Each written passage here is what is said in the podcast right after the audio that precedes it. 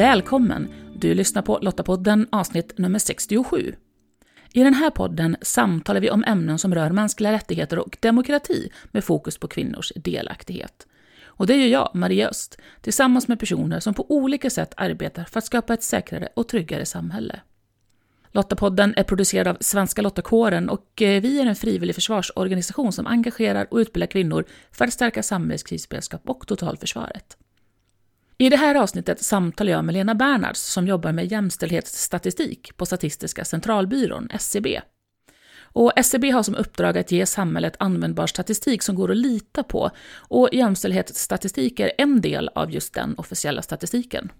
Bland annat så används jämställdhetsstatistiken eh, så att de jämställdhetspolitiska målen kan följas upp av regeringen. Och de målen handlar bland annat om makt och inflytande, ekonomi, utbildning och hälsa. Häng med så får du höra hur det står till med jämställdheten i Sverige. Så då hälsar jag dig Lena välkommen till Lottapodden. Tack så mycket. Kan inte du bara berätta lite kort, vem är du? Jag heter Lena Bernhards och jag jobbar med jämställdhetsstatistik på Statistiska centralbyrån. Och jag tar fram jämställdhetsstatistik för Sverige och jag jobbar även lite utomlands med eh, att hjälpa våra biståndsländer att bygga upp sin kapacitet att ta fram jämställdhetsstatistik. Och jag ja. tänker att SCB är ju en myndighet som de flesta känner till. Men kan inte du bara kort berätta lite, vad är myndighetens uppdrag och varför tar ni fram jämställdhetsstatistik? Ja, SCBs uppdrag är ju att vi ska ge samhället användbar statistik som går att lita på. Och att vi tar fram jämställdhetsstatistik, det ingår i det här uppdraget, för jämställdhetsstatistik ingår i den officiella statistiken. Mm. Och delvis så ska vi ju naturligtvis ge samhället information om vad, hur det ser ut i det svenska samhället. Men det är också att vi ska ta fram indikatorer så att regeringen kan följa upp de jämställdhetspolitiska målen. Och så är jag ju lite nyfiken då, vad var det med statistik som lockade dig och varför, varför håller du på med det? Ja, det var en svår fråga. Jag är i botten ekonom, så jag har jobbat halva mitt liv ute i privata näringslivet med redovisning. Och sen så började jag jobba på SCB med alltså ekonomisk mm. statistik. Mm. Men sen dök det här upp då att man kunde jobba med jämställdhetsstatistik och jag brinner för jämställdhet så det blev ganska naturligt att försöka få det, det jobbet. Och vi ska ju titta lite närmare på olika aspekter av den här jämställdhetsstatistiken under vårt samtal. För det här, jag tänker att det är ett mm. ganska brett ämne och vi kanske ska bena lite först i, ja men vad är jämställdhetsstatistik då? Vad är det ni tittar på? Mm. Det är precis som du säger, det är ett väldigt brett ämne, för det innefattar ju allt som rör individer. Så att det handlar ju om, det är befolkningsstatistik, det är arbetsmarknadsstatistik, det är lönestatistik, inkomststatistik, utbildning, hälsa. Det innefattar kort sagt allt mm. som rör oss som människor. Man kan med hjälp av jämställdhetsstatistik egentligen berätta om människors liv från vaggan till graven. Och jag som tyckte att statistik är tråkigt, det verkar det inte alls vara. Det är inte alls tråkigt, utan det är användbart. Och det som jag tycker är väldigt viktigt med statistik, det är ju att det finns ju så mycket idéer och tankar om hur, hur samhället ser ut, vad människor gör stereotypa uppfattningar om att kvinnor gör si och män gör så. Mm. Om vi då istället tar fram fakta i form av statistik, då har vi ett bra underlag för dels beslutsfattarna att fatta sina beslut, men även för vanliga människor att ta beslut om hur de vill fortsätta sina liv. Mm. Men jag tänker om vi dyker in lite i, i just jämställdhetsstatistiken då, så nämnde ju du ehm, eh, jämställdhetsmålen som regeringen har. Och ett centralt mm. begrepp är ju makt, för just det här med uppfattningen om, eh, om vad som utmärker ett jämställt samhälle då, ett, ett samhälle där kvinnor och män har samma makt på kollektiv nivå att forma samhället och att då på individuell nivå forma sina liv. Men hur ser det ut då just om man tänker kvinnor? Tar de plats i de här rummen där makten finns? Jag tänker politiken och styrelserum och sådär. Ja, i politiken tar ju eh, kvinnor definitivt plats. Om vi tittar i riksdagen nu, som ju ändå är det högsta eh, organet kan man säga för för människorna i, i Sverige. Mm. Och där sitter nu 46 procent kvinnor, 54 procent män. Det är fortfarande fler män än kvinnor, men vi har ju det vi brukar kalla en jämn könsfördelning, mm. som innebär att det är minst 40 procent av vardera könet. Mm. I regeringen sitter det just nu 12 kvinnor och 11 män. Går vi vidare och tittar hur det ser ut i EU så har ju Sverige en, en jämn könsfördelning bland sina representanter i parlamentet. Att ha en jämn könsfördelning i EU-parlamentet, det är ju mer än vad vi kan säga om många andra länder. Och, och styrelserum då, där har det ju varit eh, diskussioner fram och tillbaka om det här med, eh, med kvotering i börsbolags styrelser. Men mm. är det så illa som vi tror? I börsbolagens styrelse kan jag väl säga att det är värre än vad vi tror om vi tittar på styrelseledamöterna i en börsbolagsstyrelse så ser det väl, ja, det är ingen jämn könsfördelning. Kvinnor har ungefär 32 procent av de stolarna. Mm. Men tittar vi på ordförande så har kvinnor 6 procent. Mm. Och bland verkställande direktörer i börsbolag så har kvinnor 8 procent och vi då, Svenska Lottakåren, vi är en frivillig försvarsorganisation och vi har uppdrag från olika myndigheter. Så hur ser det ut i offentlig sektor då med kvinnors representation? Ja, offentlig sektor är ju lite bättre än den privata sektorn. Om vi tittar på totalt sett i privat sektor i Sverige så bland chefer så är 31 procent kvinnor, 69 procent är män. Mm. Och går man över till den offentliga sektorn så är 65 procent kvinnor. Mm. Och 35 procent är män. Mm. Skulle man kunna härleda det till att uh, jag tänker sjukvården är en offentlig sektor som traditionellt är väldigt kvinnodominerad, att det spelar in? Absolut, det gör det ju. Mm. Och det är ju väldigt många fler kvinnor som arbetar i offentlig sektor mm. än män. Och då blir det ju ett större urval såklart att plocka kvinnor som chefer. En annan sån här sanning som ju brukar sägas är att kvinnor har sämre betalt för samma arbete. Men stämmer det? Ja, alltså om vi säger så här att i stort på arbetsmarknaden så har ju kvinnor 89 procent av mäns lön mm. i genomsnitt.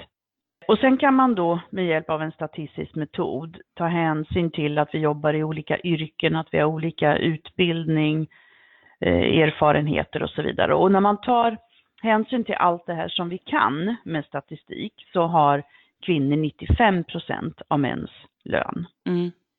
Och den stora skillnaden beror på att vi är i olika yrken. Alltså kvinnodominerade yrken har lägre lön än mansdominerade yrken. Mm. Och vi befinner oss i olika yrken, alltså nästan 70 procent av kvinnorna, nästan 70 procent av männen är i kvinnodominerade respektive mansdominerade yrken. Så det här att jämföra samma yrke är, är lite svårt.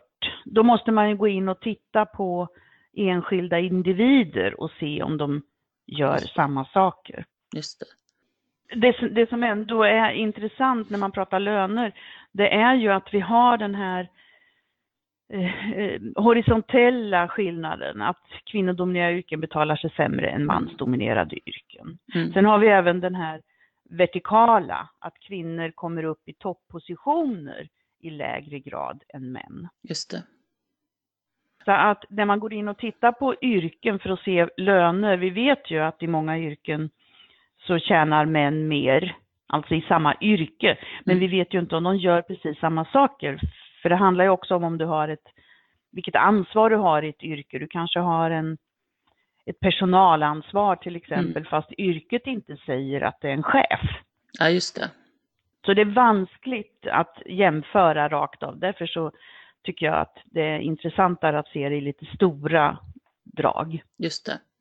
Jo, jag läste bara en, en eh, notis i en tidning som kom häromdagen att nyutexaminerade ingenjörer när de får sitt första jobb och då har de alltså bara en utbildning, ingen yrkeserfarenhet, så Mm.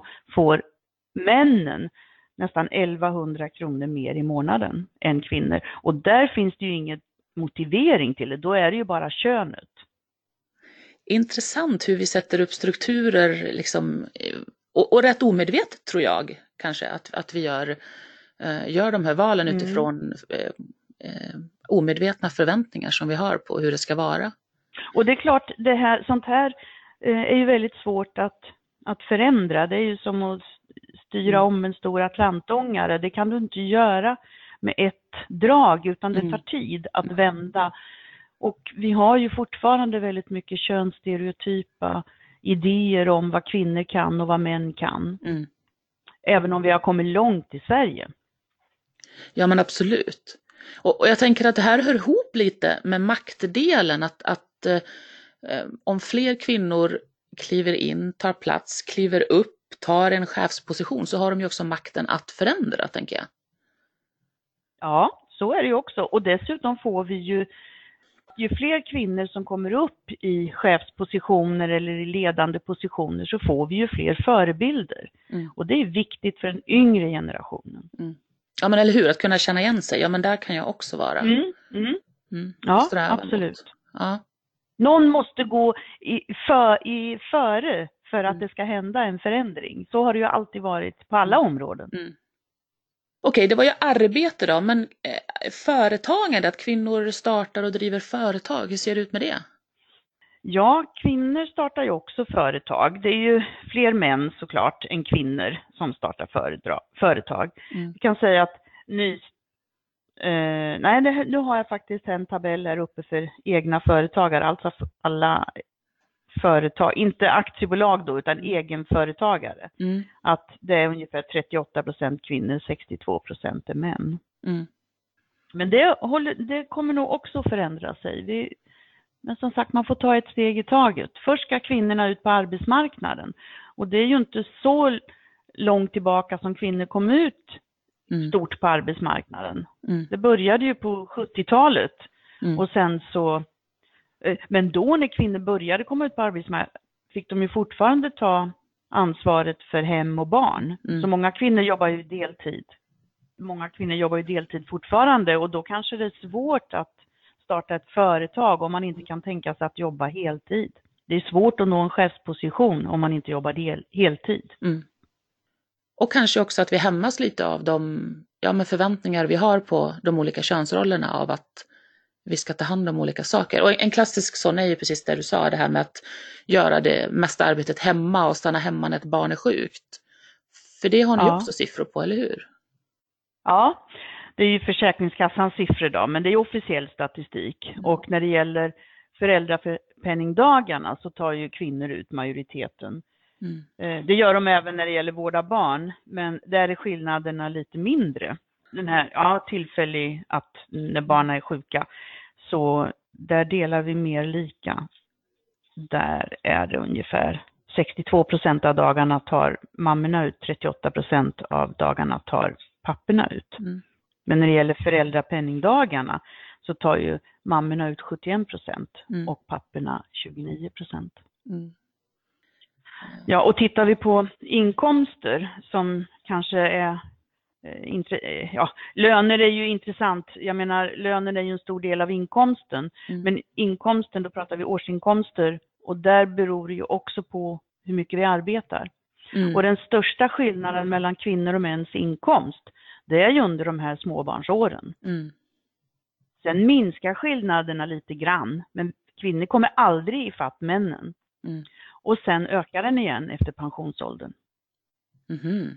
Så det syns, det så, syns så tydligt att, att få barn påverkar kvinnor mer än män. Mm.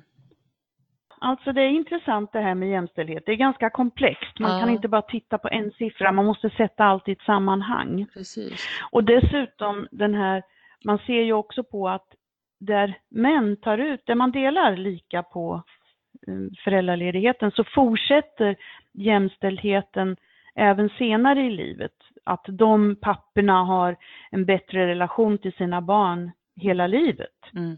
Och vid en eventuell skilsmässa, skilsmässorna är ju färre i sådana familjer. Och när det Mhm. ändå är en skilsmässa så är vårdnadstvisterna färre. Så att det, alla tjänar på att dela lika på föräldraförsäkringen. Mm. Det är också under så kort tid. Det handlar ju om ett år, två år. Vi ska ju ändå jobba ganska länge så vi hinner ju ta ifatt en eventuellt förlorad karriärmöjlighet just då. Just det. Sen så pratar jag naturligtvis genomsnitt i stort. Sen finns det naturligtvis föräldrar som inte kan välja Mm. därför att eh, man ligger på ekonomisk, eh, ja vad ska jag säga, att du har verkligen inte ekonomiska möjligheter. Mm. Det finns ju faktiskt sådana familjer också. Mm. Men rent generellt, Men jag tänker eh, jämställdhetsstatistik då och Sverige kontra andra länder, är vi bättre eller sämre? vi, vi har ju kommit långt i Sverige. Vi tillhör ett av världens mest jämställda länder. De nordiska länderna ligger ju alltid i topp i alla mätningar. Mm. Så det kan vi ju konstatera. När det gäller löneskillnaderna så ser vi att i vissa andra länder, i synnerhet de här, ja, Malta, Italien, åt medelhavsländerna, så är ju löneskillnaderna mindre än vad de är i Sverige. Mhm. Men det är å andra sidan väldigt mycket färre kvinnor som arbetar i de länderna Mm. än i Sverige. Vi har ju ett högt arbetskraftsdeltagande, en hög sysselsättningsgrad för kvinnor. Och då kan man ju tänka sig att i de här länderna så är det då de högutbildade kvinnorna som faktiskt har ett arbete och då har de kommit upp i högre löner också. För stor del av kvinnor i Sverige arbetar ju som vi sa tidigare i offentlig sektor och gör sådana saker som kvinnor gör hemma i många länder. Tar hand om barnen, tar hand om äldre, vårdar sådana som är sjuka. Att man gör det här i hemmet. Mm. Som vi också gjorde förr i Sverige. Men jag tänker en annan sån här koppling då som jag ju nu hör mer och mer är ju att eh, kvinnor eh, eh, har bättre resultat i skolan på alla nivåer. Ja, det var ju som jag sa i början av programmet att kvinnors utbildningsnivå är ju högre i genomsnitt då, än mäns. Mm. Att det är över hälften av eh, kvinnor i de yngre åldern, 25 till 44 år, har en eftergymnasial utbildning. Det är den vanligaste utbildningsnivån bland de kvinnorna, medan gymnasial utbildningsnivå är vanligast för män. Och det är klart att om vi tittar på hela byggsektorn till exempel, som många män arbetar i, Mm. de kan ju komma ut direkt från gymnasiet, så är de utbildade för ett sådant arbete och så får de ett jobb på en gång och kommer upp och får en, en inkomst på en gång. Kvinnorna kommer ut lite senare för de går oftare då en högskoleutbildning. Och sen får de också en inkomst, men sen börjar ju barnafödandet och då stannar liksom deras inkomstutveckling av lite grann. Ja, men då tänker jag så här att statistik kan ju verkligen användas, precis som du sa, till att, att ta beslut kring stora, stora skeenden och stora strukturer. Men också en lärdom, tänker jag, som vi behöver ta med oss är just det här att inte stirra sig blind på en siffra utan behöva titta på flera tvärsnitt för att ta rätt beslut. Det tycker jag är viktigt faktiskt. Och då tänker jag lite, de som lyssnar på det här nu då, hoppas ju naturligtvis tycker det här är lite intressant, men som individ då, hur kan jag använda statistiken för att påverka mig själv och mitt liv? Alltså egentligen som individ så är väl jämställdhetsstatistiken intressant för att se, för att jämföra sig kanske när det gäller löner. Vad har jag för lön jämfört med vad ligger genomsnittslönen på i det här yrket? Så att egentligen så är det väl våra beslutsfattare som har störst användning av det för att kunna faktiskt påverka samhället. Men det kan ju vi som individer göra också. Vi kan ju engagera oss Mm. eh, politiskt eller i någon förening och jobba åt ett håll som vi ändå tror på. Och då kan vi använda statistiken för att underbygga våra argument såklart. Ja, absolut. Absolut. För det är ju det här att vi ska ha fakta för våra påståenden, inte bara tycka och tänka. Man börjar ju ofta med ett tyckande, med en känsla Mm. att man, man vill någonting. Men sen kan man då underbygga det med fakta och det kan vi få med hjälp av statistik. Som när jag började jobba med jämställdhetsstatistik, då trodde jag att jag levde i ett jämställt land helt och hållet. Mm. Har ju, jag har ju ett 40-årigt arbetsliv bakom mig, så att jag visste ju att jag tidigare hade lägre lön än männen som var på både den som jag efterträdde och den som sen efterträdde mig på en position. Mm. Och då kan man ju säga att vi gjorde samma, samma jobb. Mm. Och där vet ju jag att de männen hade en högre lön än mig. Och det sa till och med min chef åt mig när jag sa upp mig på en tjänst för länge sedan. Så sa han att eh, frågade dem om, jag, om de ville omförhandla min lön. För du förstår ju att han som kommer efter dig, han kommer ju ha högre lön än dig. Oh. Det var lite chockartat för att det var så, det var så öppet lönediskriminering. Mm. Nu var det inte därför jag slutade på det jobbet. Det var inte lönen som var anledningen, utan det fanns ju andra anledningar. Men, men att få höra den kommentaren mm. var lite chockartat. Men nu är ju det här 30 år sedan, mm. Så att jag hoppas att mycket har hänt sedan dess. Men Lena, tack så jättemycket för att, att du redde ut begreppen lite och förklarade statistik på ett, ett sätt som faktiskt kan påverka oss. Ja, jag hoppas det. Jämställdhetsstatistiken skär verkligen genom varje aspekt av våra liv och Lena lyfte en hel del intressanta bitar eh, just när det gäller jämställdhet tycker jag. Eh, speciellt det här om hur kvinnor på flera sätt halkar efter i inkomststatistiken på grund av dels barnafödande, men också att de i större utsträckning läser vidare efter gymnasiet. Statistiken är ju bra för att vi ska kunna förstärka de argument vi har, att vi har fakta och inte enbart tyckanden. Men det gäller verkligen att veta vad man jämför så man inte jämför äpplen och päron så att det blir helt knasigt. Länk till mer information relaterat till det vi samtalat om i det här avsnittet hittar du på lottapodden.se. Och om du, precis som Svenska Lottakåren, tycker att fred, demokrati och mänskliga rättigheter är värda att försvara och vill engagera dig för ett säkrare och tryggare samhälle, jag går då till svenskalottakåren.se. Där hittar du information om hur just du kan bidra. Nästa avsnitt av Lottapodden kan du lyssna på om två veckor, den 16 maj. Och då får du möta Maria Duva som berättar om hur du kan hjälpa dina barn att ha ett säkrare liv på internet. Det viktigaste man kan göra egentligen, tycker jag själv, det är ändå att försätta sig i den sitsen och tänka så här. Hur hade jag som tonåring mått ifall nätet hade funnits i mitt liv? Mm. Så. Det brukar många vuxna säga, jag är så tacksam för att det här inte fanns när jag var liten. Nej, så, det där blir också en distansering i sig. Mm. Och det vet ju många barn att vi, vi växte inte upp med det här. De tror ju alltid att jag ska komma som en så här gammal tant och föreläsa för dem. Och de bara, shit, du kan ju alltid låta som en 14-åring. Så för att säkerställa att du inte missar nästa avsnitt, prenumerera gärna på Lottapodden på Apple Podcast, Podbean eller lyssna på oss på Spotify. Och om du gillar Lottapodden, berätta gärna för andra om den och vi blir jätteglada om du lämnar en recension på iTunes så att fler hittar oss. Och tack för att du lyssnar. Hej så länge!